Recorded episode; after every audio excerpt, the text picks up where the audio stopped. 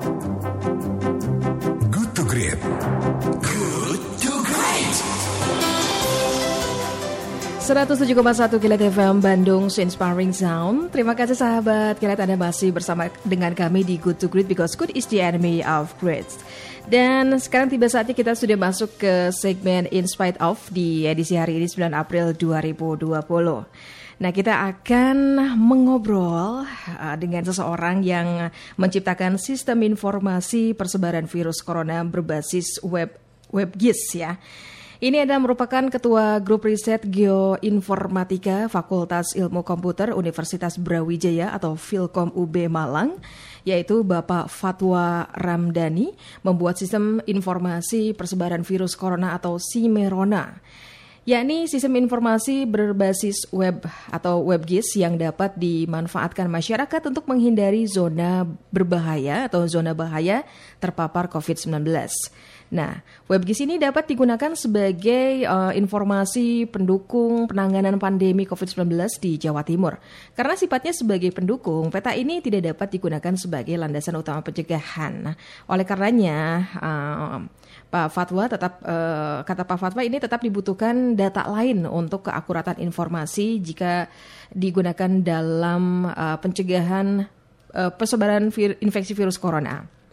Da dalam uh, Simerona, peta yang ditampilkan adalah peta yang memvisualisasikan zona berbahaya berdasarkan moda transportasi, yaitu kereta api, pesawat, bus, dan kapal laut yang datanya diperoleh dari Kementerian Perhubungan. Seperti apa kiranya sistem informasi persebaran virus corona atau yang disingkat dengan Simerona berbasis WebGIS ini? Selengkapnya kita akan mengajak ngobrol dengan narasumber kita yaitu Bapak Fatwa Ramdhani. In spite of. In spite of. Assalamualaikum warahmatullahi wabarakatuh Pak Fatwa.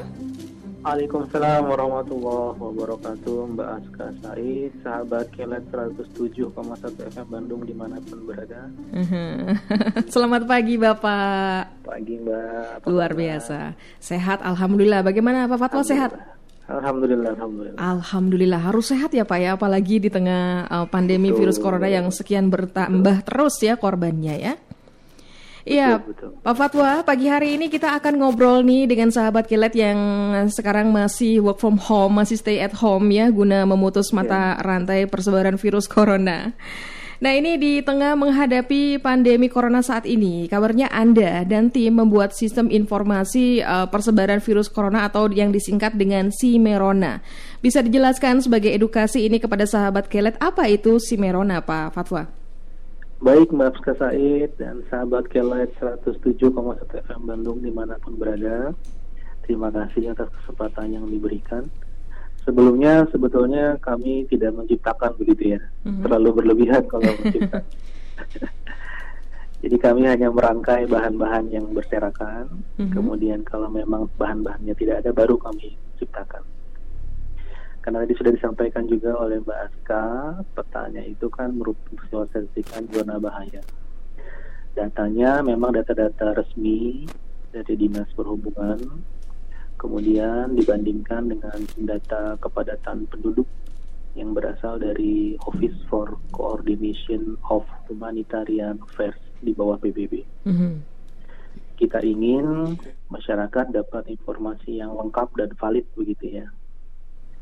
Karena selama ini yang ada itu kan sekedar tahu jumlahnya di mana, tapi tidak tahu kenapa di sana. Mhm. Apa kaitannya? Didorong oleh kuriositas dan motivasi berkontribusi sesuai bidang ilmu, kita ingin tahu kira-kira faktor apa yang menyebabkan suatu zona menjadi tinggi kontrak kepada COVID-19.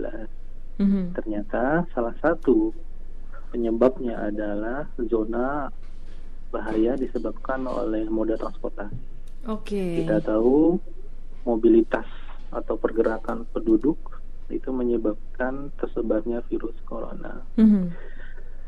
Hingga dari situlah kita berangkat.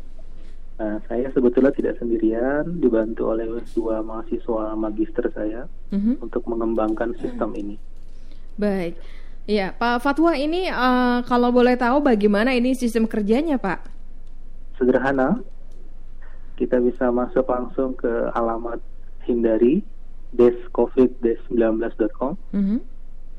Nanti di sana ada keterangan peta ini tentang apa. Nanti kita bisa klik peta. Nanti akan masuk ke sebuah halaman peta. Nanti pengguna bisa langsung menggunakan fitur di pojok kiri atas untuk mengetahui lokasi di mana dia berada apakah masuk ke zona aman atau zona bahaya. Mm-hmm.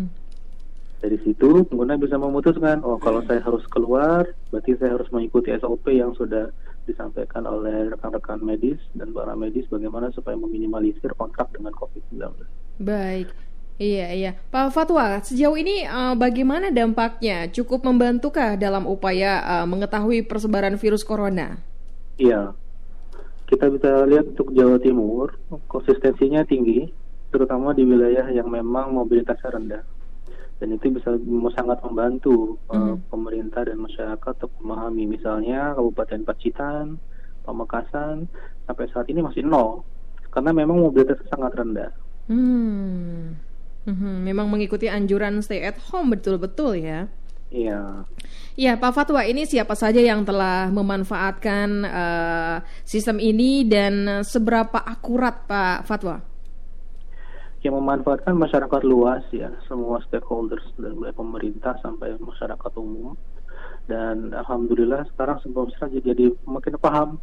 Oh iya, kalau memang penduduknya padat, mobilitasnya tinggi, maka sebaiknya memang saya berhati-hati di wilayah tersebut. Mm-hmm. Selebihnya lebih baik menjaga diri untuk tetap di rumah. Oke. Okay. Ini uh, apakah hanya sekedar di Jawa Timur saja ini sudah dimanfaatkan atau memang bisa uh, dimanfaatkan di seluruh Indonesia untuk disarankan kalau memang ini cukup membantu Pak Fatwa? Iya, untuk saat ini sementara masih untuk Jawa Timur. Tapi kalau ingin dikembangkan juga sebetulnya bisa untuk seluruh wilayah di Indonesia. Tapi hmm. saya pikir polanya akan sama. Ya saya perhatikan di Jawa Barat misalnya ya, uh-huh. kita lihat di Kabupaten Sukabumi, Kabupaten Garut yang aksesnya aksesibilitasnya rendah, mobilitasnya rendah, kasus COVID-nya juga rendah. Uh-huh. Uh-huh. Berarti itu memang dilihat dari tadi eh, seperti yang anda jelaskan ya itu dari moda ya. Uh, ya. Zona bahayanya itu berdasarkan moda transportasi yang biasanya menggunakan kereta api, pesawat, bus dan uh, kapal laut ya. Ya. Oke, ini uh, memang uh, berbahaya sekali ya kita kalau mau ke keluar rumah ke menggunakan transportasi uh, darat, laut, udara ya. Mhm.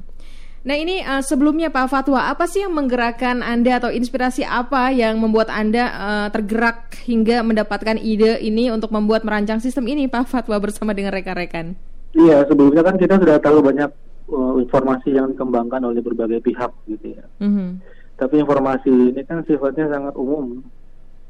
Hanya tahu besar statistik uh, berapa besar orang yang uh, positif COVID-19 ya.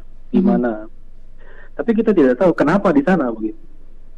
Hmm. Nah, pertanyaan itu yang mendorong kami, kenapa bisa di sana? Apa kaitannya? Hmm. Dan kami juga berencana akan mengembangkan, menambahkan variabel lain, hmm. misalnya kemiskinan, penduduk lanjut usia mm-hmm. karena selama ini ada yang mengatakan bahwa kemiskinan dan penduduk lanjut usia merupakan populasi yang rentan terhadap COVID-19. Kita harus bisa buktikan itu. Oh, itu bisa menggunakan sistem ini ya? Bisa, bisa. Sekarang sedang dikembangkan oleh tim saya. Okay. Kita tambahkan variabel itu. Uh-huh. Ini berapa orang uh, yang sama-sama membantu uh, membentuk si Merona ini, Pak Fatwa? Untuk sementara hanya tiga orang, uh-huh. saya dengan dua mahasiswa magister saya. Mm-hmm. Apakah ada uh, wacana untuk diajukan ke pemerintah setempat, ke pemerintah setempat ataupun mungkin ke pemerintah pusat untuk uh, apa ya untuk sistem temuan yang anda lakukan bersama dengan tim Pak Fatwa? Belum belum ada sampai saat ini.